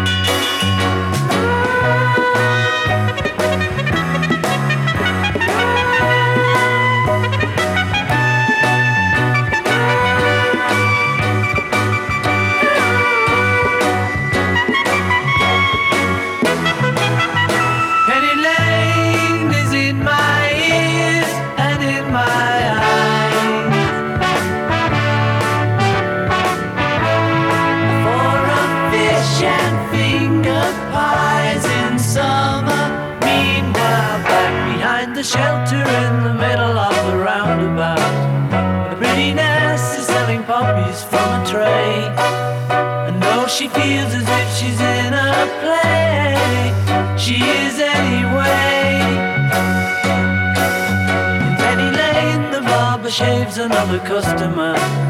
We see the banker sitting waiting for a trim. And then the fireman rushes in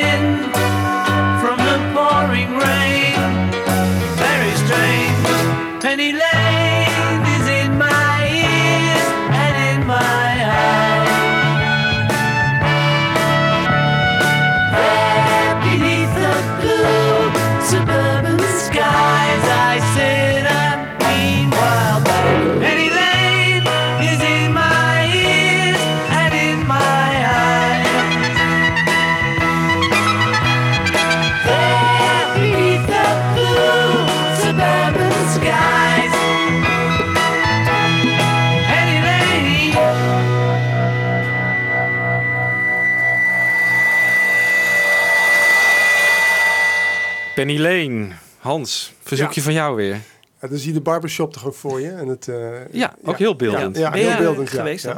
Ja. Ik ben geweest in Liverpool. Ik heb één dag meegemaakt met eh Wibo en met... eh, wie waren er nog meer bij? Arjan Snijders. Arjan. Snijders, ja. Tom van. Geersing, Tom van Dranen. En aan het eind van de dag dacht ik echt dat ik gek werd. ik liep daar met een aantal mensen die zo ongelooflijk Beatles gek waren... dat ik dacht, ja, ik moet eruit, ik moet eruit.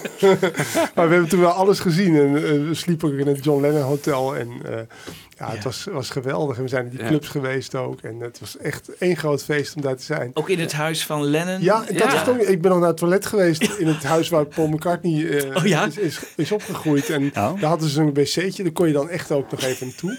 En toen was de, die jongen die daar opende. Ik kon dan ook letterlijk naar het toilet dan. eh, Ja, dat- ja, ja, ja, ja, het was wel bijzonder, want we zijn in het huis van John Lennon geweest, eh, wat maar natuurlijk een kast of. Er was trouwens Bob, Bob ja. Dylan was de week daarvoor daar Ja. incognito verschenen. Oh ja? Ja, die had daar ook, eh, die was daar geweest. Ja, die was had met het busje het meegereden. busje meegereden. Die had een tour eh, gemaakt. Ja. Dat vertelde die, die, die, die man die daar die ons rondleidde. Ja. En bij Paul McCartney was het natuurlijk veel soberder. eh, Dus dat heeft nog meer indruk gemaakt. Omdat die jongen die opendeed, die had al zijn eh, elektronische apparatuur in die kasten gezet. Want het moest allemaal zo authentiek lijken als wat. Dus hij, als hij s'avonds, hij sliep daar ook. Ja. hij woonde Ja, in dat hij huis. woont, ja. Ja, Klopt. dus het was helemaal in gebruik. Dus ja, het was, dat was toch zo bijzonder om te zien ook. Ja, toch? en er was één kamertje boven volgens mij dat dan zijn Ja, kamer was. Dat was dan kamer, denk ja. ik eh, de Ja. kamer van de ouders geweest of Ja. zo vroeger. Ja. En daar, ja, daar woont hij dan. Het Ja. is zelfs in het huis van Lennon natuurlijk. Die, eh, die mensen die die rondleidingen doen, die wonen daar in Die het wonen huis. daar. Echte Engelsman, echte Britten ook. Ja. Hij leek ook een beetje op Paul. McCartney, vond ik. Die, eh, Ja, hij leek die op ja, zo'n beetje een... eh, Van die hamsterwangetjes. hamsterwangetjes. En hij vertelde ook een hele mooie verhaal over dat eh, prins, eh hoe heet eh, wie was langs geweest? Prins Charles Ja, of zo. dat denk ik, ja. En die Ja. was of zo- daar was zijn auto geparkeerd in de straat. En eh, nou ja, dat, dat, dat hebben die mannen allemaal meegemaakt. Ja. Ja. Geweldig. Ja. Ja. Hey, maar eh, jij bent toen, eh, toen wij de Magical History Tour deden daar in zo'n bus. Ja. Eh, zijn we langs Penny Lane geweest en Strawberry Fields. Strawberry Fields natuurlijk. En toen werd jij gebeld door Jan-Willem Roodbeen, die die dag de show van jou overnam. En dit is dat interviewtje. Oh. Momenteel zit Hans Schippers met een aantal collega's in de One and Only Magical History Tourbus in Liverpool. Eh, hij is eh, gisteravond vertrokken en eh, daar vanochtend aangekomen. Hans, goedemiddag. Goedemiddag, dat is een toepasselijke plaat die je draait. Stuck in a moment you can't get out of. Want je zit in zo'n bus. Ik zit hier namelijk op de bus tijdens een Magical Mystery Tour. Maar wil je eruit, is de vraag dan? Wat zeg je? Wil je er, wil je er ook uit? Nou, nee hoor, maar ik, eh, het is, eh, ik zit hier dwars door de, door de gids te praten die hier ons eh, alles, zit, die ons alles, alles laat zien hier. Maar het- ik zit nu een beetje voorovergebogen tegen een stoel aan om niet te veel mensen te storen met mijn gepraat. Maar het is wel heel erg mooi weer hier. We zijn overigens op eigen kosten naar Liverpool gegaan. Dat is voor de luisteraars ook wel geruststellend. Ja, goed om te Dat weten Van, dat- de ja. za- van de samenleving gaan, dat is niet waar. Nee. En ja, het was gewoon een keertje, het moest wel een keer gebeuren. We zijn natuurlijk heel erg geïnteresseerd bij de APRO in muziek. En ik vind het leuk om nieuwe te horen, maar ook moet je eens terug in het spoor van waar het allemaal begonnen is. En in Liverpool, ja, ik, dat, ik ben helemaal geïmpregneerd vandaag met, met Beatles. We zijn eh, in het huis bezig kijken waar ehm, John Lennon gewoond heeft als jongetje, waar Paul McCartney heeft gewoond. Het is echt ontzettend bijzonder om dat, eh, om dat echt te kunnen zien. En we zijn daar rondgeleid in een huis dat helemaal is gerestaureerd zoals het eruit zag toen, zij, eh, toen ze jong waren. En dat, dat, ja, het is echt een, ik moet het toch een beetje verwerken allemaal, maar het is toch hartstikke leuk mee te maken. Veel impressies dus. Wat was je hoogtepunt tot nu toe? Eh, Want je wist natuurlijk al heel veel van de Beatles. Zijn er nu ook eh, dingen bijgekomen in je Beatle-kennis? Nou, dat, dat ik een theedoek heb gekocht met, met de Beatles erop. Dat was je de- hoogtepunt. De Beatles, de Beatles ja, nou, er, zijn, er zijn heel veel verhalen te vertellen. Alleen het leuke is dat, dat je er met je neus op staat. Als je bijvoorbeeld in het huis, het, op, op zich niet eens zo hele luxe huisje van Paul McCartney bent. Je realiseert dat daar dus eh jarenlang eh, fans hebben staan schreeuwen elke dag. En dat, het, eh, dat de buurt blij was dat de McCartneys gingen verhuizen omdat ze van de fans af waren. Het is maar één detail uit een heleboel verhalen die je hoort. En eh, ja, is, eh, ik ben ook even nog naar het toilet geweest in het huis van Paul McCartney. Dus, eh, Dat mocht ook gewoon. wat een details allemaal. Ja, en was het een royale toilet of, of een heel klein heel toiletje? Klein, heel klein. Ja, echt waar? Arbeider, arbeidershuisjes zijn het. Dus, Oh, ja. ik ben wel schrikken dat, dat, dat, dat, dat het vroeger toch zo armoe was. Zo. Je zit nu dus in de bus. Ja, Ik moet wel afsluiten, want ik zie dat mensen om me heen een beetje geïrriteerd beginnen te raken. ja dat is natuurlijk niet geheel volgens de Britse etiket hè, wat je nu doet. Eh, maar, maar- maar wat voor mensen zitten er in die bus? Nou, eh, uit eh, Australië, uit, uit Nieuw-Zeeland, uit Engeland, overal vandaan, uit de hele wereld komen ze hier naartoe. Liverpool is echt een Beatles-stad. Hier vind je helemaal in het, in het Beatles-geweld begraven als je hier rondloopt. Het is, ja, het is indrukwekkend. En die Magical Mystery Tour moet je natuurlijk gedaan hebben als je hier bent. Ja, uiteraard. Nou, veel plezier nog Hans. Doe veel indrukken op en morgenmiddag twee uur ben je er gewoon weer hè? Dat is voor, voor aannemen. DJ's hebben altijd haast. Hup, die plaat erin. ja. Maar dat was gewoon een, eh, een pleziertripje, toch? Of hebben jullie daar Ja. ook nog radio gemaakt, behalve dit? Nee, alleen dit Ja. inderdaad. Maar het was om eh, het afscheid van Tom van Dranen. Die ging toen met pensioen. Het was de samensteller van Schrifters.fm. Oh ja.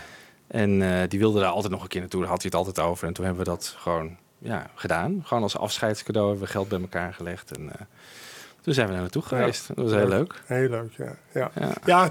je hoort ook, hè. Ik was helemaal vol daarvan. Ja. Aan het eind van de dag kon ik geen Beatles-effect Nee, meer nee, eh, nee, horen. nee. Want jullie bleven maar doorgaan ook de hele. Waarschijnlijk na dit, eh, deze podcast ook. Dat je even afgekikt bent. Afgekikt ja. Oké, hey, we gaan weer een favorietje van je draaien.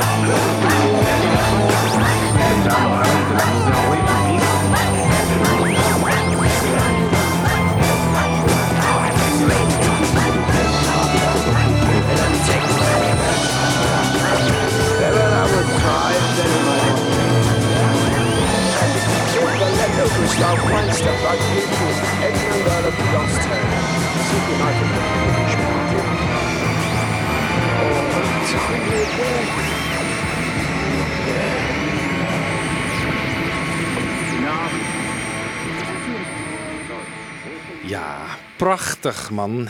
I am the Walrus. Ja. Apocalyptisch. Ja. Lennon-nummer, hè? Ja, dat, ja, ja, ja, ja. maar zo, ja. Dat is, daar kun je ook maar naar blijven luisteren. Eén grote puzzel is het gewoon. Ja. Iedere keer weer opnieuw. En, en zo dark ook, zo betekenisvol. En, eh, Ja, dat zeg je. Ja, hij schijnt het geschreven te hebben om gewoon al die mensen die meer achter Beatle-teksten zoeken, om die gewoon even op het verkeerde spoor te zetten. En je gaat nu gewoon allerlei onzin dingen achter elkaar eh, plakken.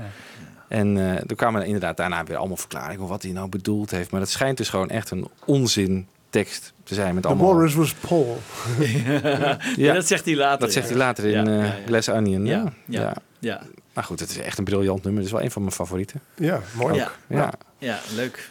Eh, nog even weer terug naar Paul McCartney. Want ja, hij is natuurlijk eh, degene die nog eh, in leven is. En daardoor stonden heel veel items in schrifters.fm wel in het teken van hem. Als het over de Beatles ging dan. Eh, in 2006 ging hij eh, scheiden van die, eh, van die bitch. Hoe heet ze ook alweer? Heather. Heather. Heather Mills. Dat was groot nieuws in die tijd. En dus bedachten wij ja, een soort creatieve insteek. We gingen, wilden bellen met een van zijn oude vlammen. En ik weet nog dat, ja, ik was Beatle-kenner natuurlijk. Ik denk, nou, oude vlam voor Linda had hij natuurlijk de wereld aan. of oude vlam, maar ja, Jane Asher is niet meer te bereiken. Maar Francie Swartz, vriendinnetje van hem uit 68. Ja. Ik dacht, kijken of ik die te pakken kan krijgen. Nou, die kwam ik op een gegeven moment die naam op een Beatles forum tegen. En ik heb haar een beetje ja, rustig en respectvol eh, eh, gevraagd voor een interview. En eh, tot mijn grote verbazing, want zij doet verder geen interviews, hapte ze toe. Oh, bijzonder. Maar ja, toen gingen we het interview doen. Het was toch wel een redelijk merkwaardige vrouw... die eh, duidelijk nog wel wat appeltjes met, eh, met Paul te schillen had. Weet jij dat interview nog? Nee, niets meer. Ik zit heel geïnteresseerd te Nee. luisteren. Laat me komen. Over Hey Jude. If you hear Hey Jude, then it's you in the background. Uh, yes, I'm I'm on Hey Jude, and that's funny you should mention that because it's sort of our song. It's kind of about our relationship. In what way? Well, he was he was very curious as to why he couldn't really make contact with another human being, and I kept saying to him, "You don't let anyone get under your skin." And the song evolved out of those conversations. Although he's you know, he's been interviewed maybe 10,000 times about the origins of the song, and he says it's about Julian or it's for Julian, but uh, there is a quote that John, uh, he was asked about all their songs, and when it came to Hey Jude, he said he thought it was about him and Yoko, but Paul told him it was about us. Hmm. But he doesn't, uh, he doesn't make that public. But you do. Well, I have, yes. I mean, I've been asked, and I, I can honestly say I know that it's about us.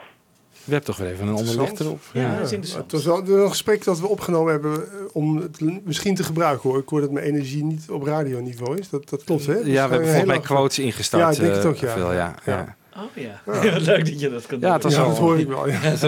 ja. ja. en ze had trouwens ook nog wat te vertellen over de break-up van de Beatles en, eh, en over Yoko. Uh, why did the two of you break up?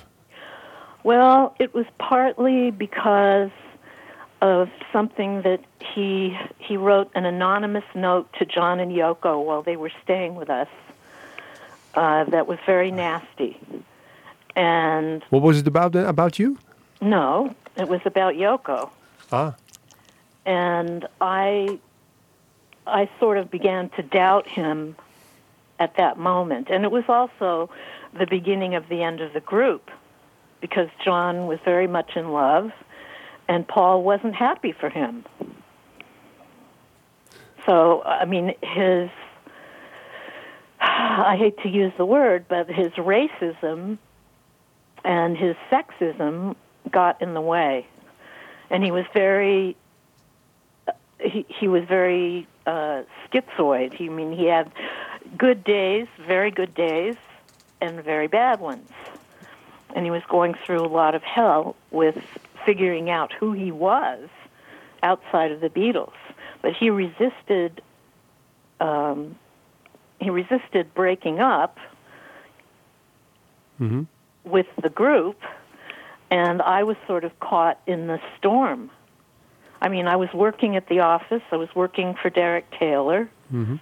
and doing their publicity and trying to take care of him, and uh, it was very exhausting. Ja. Racism. Ja. Gaat ze toch een beetje te ver. eh. Seksisme. Nou, nee, maar het gaat, die, die noot, dat was dus inderdaad op de schouw had hij volgens mij een briefje neergezet. You and your Japanese tart think you're hot shit. Ja. Dat, dat, en het was volgens mij een grap. eh, had hij als McCartney als een soort grap bedoeld. eh, om een beetje, ja, toch een beetje een punt te maken van het feit dat Yoko de hele tijd in die studio was. En eh, ja, om- ik denk dat hij daar gewoon een beetje baldadig van werd. Dacht van, dan moet iemand een keer wel iets over zeggen.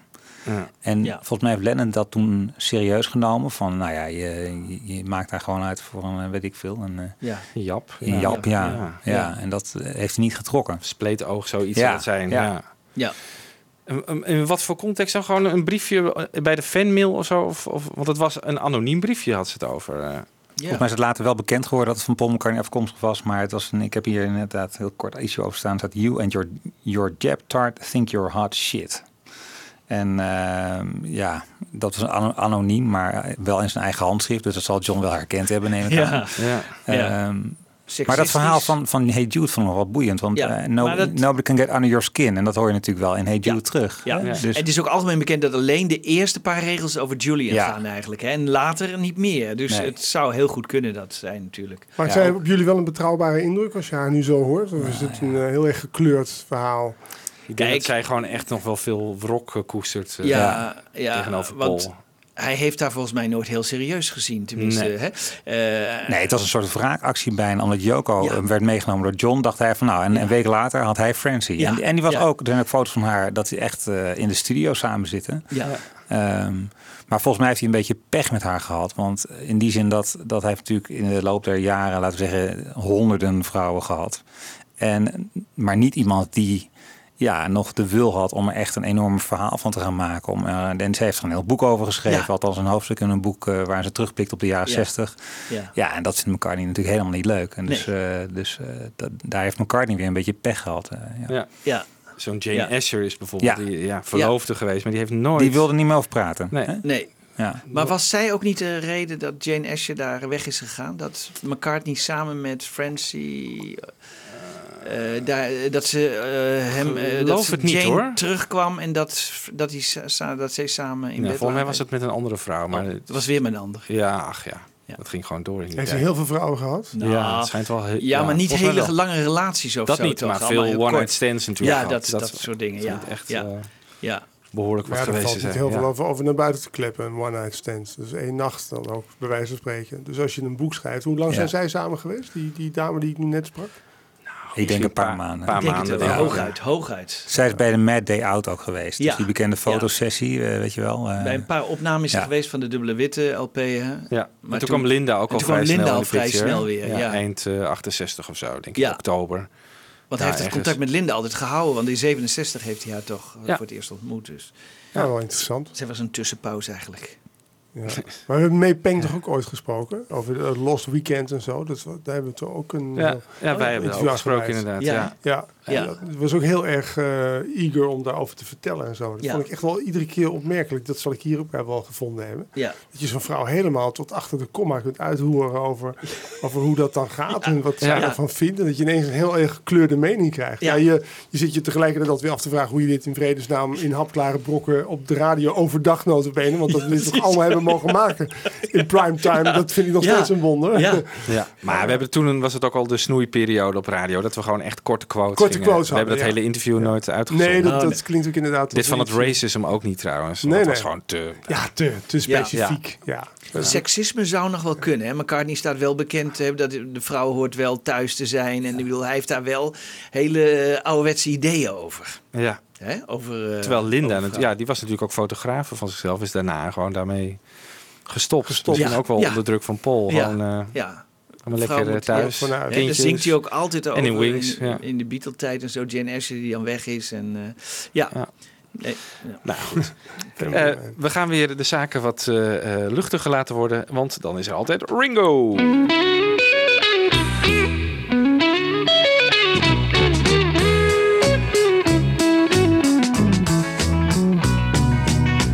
I to be under the sea in an octopus's garden in the shade. He'd let us in, knows where we've been in his octopus's garden in the shade. I'd ask my friends to come and see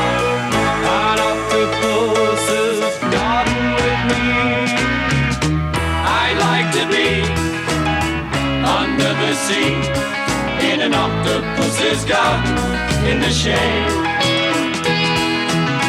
We would be warm below the storm in our little hideaway beneath the waves. Resting our head on the seabed in an octopus's garden near a cave.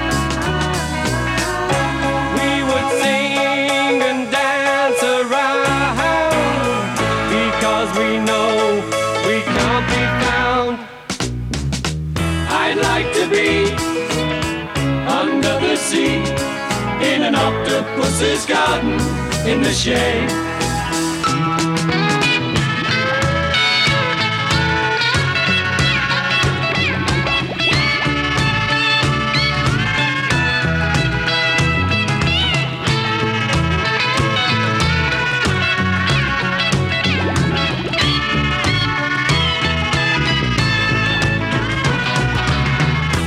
We would shout and swim about the coral that lies beneath the waves.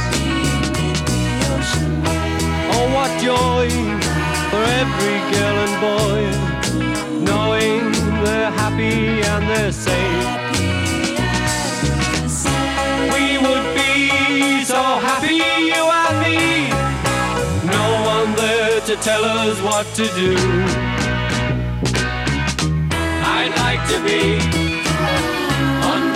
sea in an octopus's garden with you. In an octopus's garden with you. In an octopus's garden with you. Opmerkelijk, Hans. Een eh, Ja. verzoek- verzoekje van eh Ja, er Ringo er moet Starr. altijd een Ringo bij. Ja. Alleen George niet, dat is Ringo. opvallend. eh, ja. Ja, Nee, geen George. Nee, nee ja, Something had ik. Maar dan vind ik de versie van Shirley Bessie ook wel erg mooi. Nee, hier komt de Sun is natuurlijk eh, master. master. Ja, zeker. Nee, ja. En maar ook de Pussy's Garden, dat heb ik uit die Beatles tijd, toen we Get Back hadden, vond ik dat zo'n gek, gek nummer wat we ineens tussendoor draaiden. Ja. Omdat eh, Ringo mocht ook ooit een liedje zongen en zingen op elk album. En ook de Garden, ik vond het zo geweldig. Gek, gek man. Ja. En nou, dan gaan we nog even weer terug naar eh, eh, 2012. Want Ja. toen mocht je eh, Paul McCartney voor de tweede keer interviewen. Ook weer via de telefoon. En dit keer was, eh, was ik er ook bij. Ja. Dat was dat eh, moment dus dat ik even... Je hem even gesproken hebt. Even gesproken Ja. Wat zei je tegen hem trouwens? Weet je nog hoe Ja. dat ging? Eh, ja, want nou ja, ik zal even vertellen hoe dat, hoe dat nou zat. Want we zaten dus in die studio, hè, gewoon de hele middag te wachten. Totdat er een lampje volgens mij ging brand- branden. Want er was natuurlijk geen geluid Nou op ja, we zaten eerst de hele ochtend te wachten of het zou gaan gebeuren. En Oh ja? uiteindelijk kregen we rond 12 uur te horen dat het zou gaan gebeuren. Maar wanneer wisten we dan nog steeds niet. En dus binnen, binnen een heel tijdsbestek zaten we te wachten totdat het ging gebeuren. We wisten Ja. in ieder geval dat het zou gebeuren. Ja, want ik wilde Ja. s'avond ook nog naar het concert toe natuurlijk. Dus ik zat Oh ja. even, nou ja... Op hete kolen. Ja, hete Ja. kolen een beetje. En uiteindelijk eh, ging dan het lampje branden in de studio. Als de telefoon ging, dan ging er een lampje branden. Geen moment ons oog daarvan af. Nee.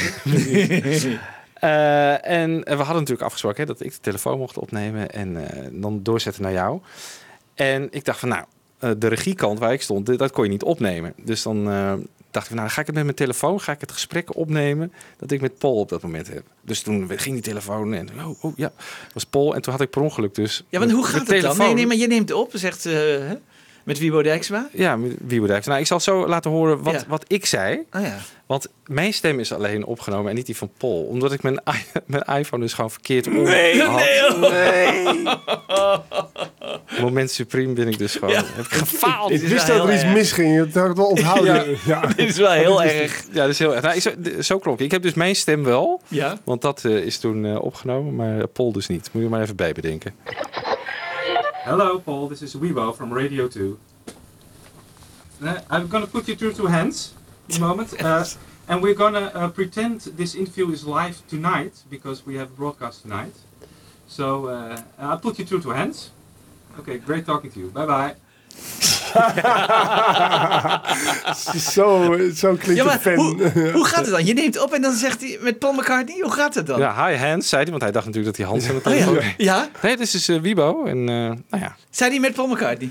Ja, het is, dit is Paul. Hi Hans, dit is Paul. Oh, zoiets. Ja. dat is toch ook geweldig? Ja, dat is wel leuk. Maar ik heb hem dus wel aan de telefoon gehad. Ja. Dus ja. Maar Je klinkt ook, eh, je hebt het best goed gedaan. Ja, toch wel heel zinnetjes kan het hoor. Hij kan het. Ja. Ik vond de volgende keer, over drie jaar, dan moet jij het gaan doen. Ja. Eigenlijk wel. Hè. Ja. Hans, kan jij daar nou niet voor zorgen? Ik, ik bedoel, je hebt het ik, nog wel krijg, je ik macht. krijg het ook niet meer in mijn schoot geworpen hoor. Ik heb mijn tijd er weer gehad. Oh ja, ik moet die aan Jan Willem vragen, geloof ik. Ja. Ja, ja, goed. ik kan nu de, de vader Abrampjes bellen in een naneuk. Ja, Ja, er was nog wel even sprake van dat jij het zou gaan doen natuurlijk. Omdat ja wij, maar eh, Jan Willem zat er ook weer bovenop. Die denkt, nu ga ik. Ja, maar zij wilde ook graag volgens mij, eh, eh, hoe heet het, primetime radio Ja, ze hebben zit door de week. overdag. Ja, uiteraard. Ja, Ja. Dus, ja, precies. Ja. ja. Nou ja, goed. Maar deze die je nu gaat laten horen, die was voor zaterdagavond. Ja, die was Best klopt. of Tonight. Ja, dat was Ja. op een zaterdagavond inderdaad. Dat was Best of Tonight, ja. Ja. Was ook in die auto eh, eh, ja, het is op weg hetzelfde naar moment. Ahoy. Ja, naar Ahoy. Hij, hij kwam ook, eh, dat heb ik niet begrepen op dat moment, maar die, die tour heette On The Run. Ja. En hij kwam op een gegeven moment ook eh, langs een snack eh, corner bij zo'n benzinestation. Die heette On The Run. Oh. Dus hij riep dat ook. Ja. En ik begreep dat niet. Hey, On The Run riep hij of zo. En toen de- later, nu rijd ik nog iedere dag ja. rijd ik op Ja. de A27. Ja, want je- ja, je ziet On The Run. Ja, als dus- ik- ja, als ik On The Run ook, sta, ja. moet ik altijd Paul McCartney. Ja, wat leuk. Ja, ik heb het fragmentje klaarstaan. Oh, dat, eh, oh ja, natuurlijk. Tomorrow I have a show between 9 and 12 on Radio 2. I'll play your song My Valentine, tell the audience a little bit about the concert. Uh, where are you staying tomorrow morning and what Sunday morning will you have? Well, actually, what I'm just passing one of those shops called On the Run. That's cool. Um, no, so uh. We actually fly. Ja, dat, dat, Leuk, leuk, ja. leuk dat jij dat start. Want dat is echt iets wat in mijn hoofd Ja. is blijven zitten Ja. al die tijd. On the Run, ja. Ik begreep niet zo goed wat er gebeurde. Hij zei dus ook van... hey, ik ga toevallig net langs Ja. een Ja. On The Run. Ja. Ja. Ja. Grappig, hè? Ja. En ja, dat we straks nog even over, die, eh, over dat rap-album of zo. Of, Ja. iets over rappen. Ja, hij- toen, toen merkte ik gewoon hoe, hoe, eh, wat een muzikant hij is. Dat hij daar dan serieus op doorgaat. Dat hij eh, letterlijk aan het nadenken is hoe het voor hem zou zijn om daar dan een song over te maken. Dus hij, Oh, ja. hij ging op de een of andere manier in een soort componistenmode. Ah, ja. Oh, dat is leuk. Ja. Ja. You've done a jazz album. In your career, you covered almost every musical style. So, when are you going to do a rap album? uh, yeah, you know, well, don't hold your breath. what would a rap song by Paul McCartney sound like? I wonder. You know what? I mean, the thing is, uh, being a composer, I mean, you think of stuff like that, but it's such a specific genre. You know, it's like years ago I thought would it be it would be cool because I love reggae. Be great to do a reggae song, but there's not many white people have pulled it off. I mean, Paul Simon had a pretty good one with Mother and Child Reunion. That's right. But but you know, there's still Bob Marley and you know all all the guys are better. You know, because it's it's authentic, and I think it's the same with hip hop. Uh, you know, if you're some white guy and, and you didn't grow up in some American project, um, I don't think it sounds quite so genuine. But you know, you never know. I might do a spoof on it one day. Yeah, yeah. You like playing with the thought, I hear now. Yeah. Ja. En, Ja, eh, hoor je het? Nou, Nou, ja, hij gaat er uitgebreid Hij gaat uitgebreid. Ja, ik hoor, ik hoor dat ja. hij aan, aan een twist is in zijn Ja. hoofd. Hoe Ja. hij dan Je langs bent gewoon de precies, ja. aanstichter van Voor die die samenwerking geeft- met Kanye West geweest. Nou, daar zou ik ook te denken, want, want daar moest ik nu aan denken. Hij heeft Ja. een hele cruciale rol op die plaat, die ik nooit begrepen heb. Maar dankzij het interview, van, wat jullie toen met eh, Jan Willem Roodbeen hebben gedaan, kwam ik erachter dat hij dus die kinderachtige stem is op de achtergrond. Ja.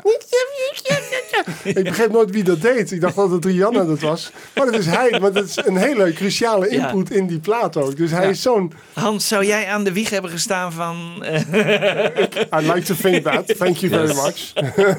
Hij ging er heel uitgebreid op in. Ja, voor voor vond- McCartney's doen was dit Ja. echt een uitgebreid Ja, dat vond ik ook leuk. Ik had Ja. echt het idee van dit is leuk. Hij Ja. is hier echt aan het spelen Ja. in zijn hoofd. Ja. Met van, Vindt hey, leuk. die vent stelt een leuke Ja. vraag. Dus Ja. toen dacht hij, ja, Ja. dat had ik ook heel erg. Ja, Ja. Leuk. Ja, Heel, dat, is, dat is echt Ja. eh, opmerkelijk. Wel leuk gedaan, ja. ja. en, want ja, hij- en, eh, dat is natuurlijk voor iemand op zijn leeftijd ook weer. eh, Ga er maar aan staan, weet je. Hij, hij is niet snel verveeld. Hij denkt meteen van, oh ja, Ja, dat is ook nog iets. Ja, dan, maar hoe moet je dat? Nee, dat kan niet, want Ja. dat en dat. Ja. Dus het is een heel playful eh, moment eigenlijk. Ja, leuk. Ja. Leuk. Ja. Ik was hier ook wel blij mee. Dit is Ja. een, beter, een betere interview is dit ook. Ik zit Ja. hier ook lekker in mijn rust. En, eh, ja, we hadden en het nog over het concertgebouw natuurlijk. Ja, dat was voor jou weer een Oh, mooi fonds. Want die zingt over het concertgebouw. In de rockshow, dat, eh, of je dat nog wist. Ja. Ja, grappig. Ja, en dat, eh, dat ze in Amerika vaag dat niet begrijpen als ze Nee. dat dingen zingen. Maar dat Ja. geldt voor heel veel popsongs, zegt hij. Als, Ja, maakt ja. niet uit. Ja. Nee, maakt ze niet uit. Ja, leuk. Heel leuk, ja. ja. Nou ja, dat was het. eh, een beetje Hans Nou, Schiffers leuk. en de Beatles. Ja, goh, we zijn helemaal Ja. terug in memory lane. Ja, Ja, leuk. is dat toch leuk? We hebben het nog niet gehad trouwens over de interviews die je had met eh, bijvoorbeeld Hans Boskamp eh, in het Hilton Hotel. Hebben we ook nog geïnterviewd. Een filmpje van gemaakt. Een filmpje ja, van ja, gemaakt, ja. klopt, ja, op, op de kamer. Simon, ja, inderdaad. Simon Postuma een aantal keren over die Apple boutique. Ja, vader van. Douwe Bob. Ja, de Eh, Bob, ja. ja, Ja. klopt. Ja. Philip Norman over Ja. het Lennon-boek. Oh, Ja, want die, die, die, die, die Postuma vertelde toen ook dat ze hebben gehuild toen ze voor het eerst naar Day in the Life luisterden. Dat is zo'n beeld, ik ont- onthoud die dingen toch wel wat dat betreft grappig. Dan herinner ik me dat hij vertelt dat ze met z'n allen voor het eerst een luistersessie hadden. En dat ze daar dus à la hippie tijd met elkaar stonden, waarschijnlijk allemaal eh, armen om elkaar heen.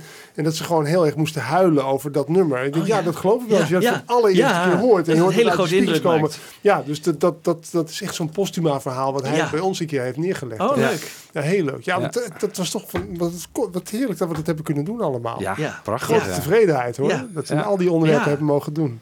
Ja. Mensen heel dan-. Ja, ja, heel goed. Nou, eh, laten we eindigen met een eh, verzoekje van eh, eh, Paul zelf. En Hans, bedankt voor, eh, Ja. voor je Ja, tijd en, eh, en de leuke verhalen. Ik ga pizza eten. Tot de volgende keer. What song from the setlist would you like me to play for the audience right now? Um, well, what about uh, uh, for the audience right now? How about you do um, back in the USSR?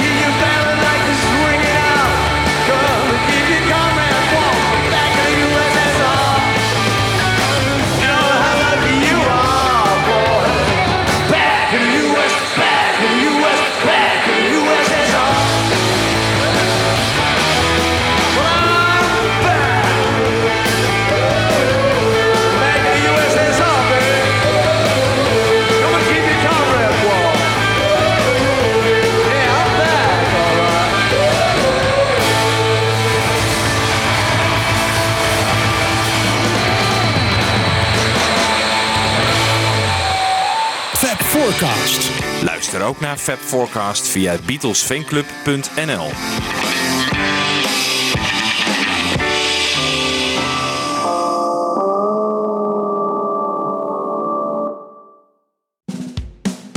Dit was een podcast van Avro Tros. Wij maken tientallen podcasts per week. Van klassiek tot pop, van actueel tot archief, van reguliere radioshows tot speciaal voor podcast gemaakte programma's. Kijk voor meer podcasts op avrotros.nl.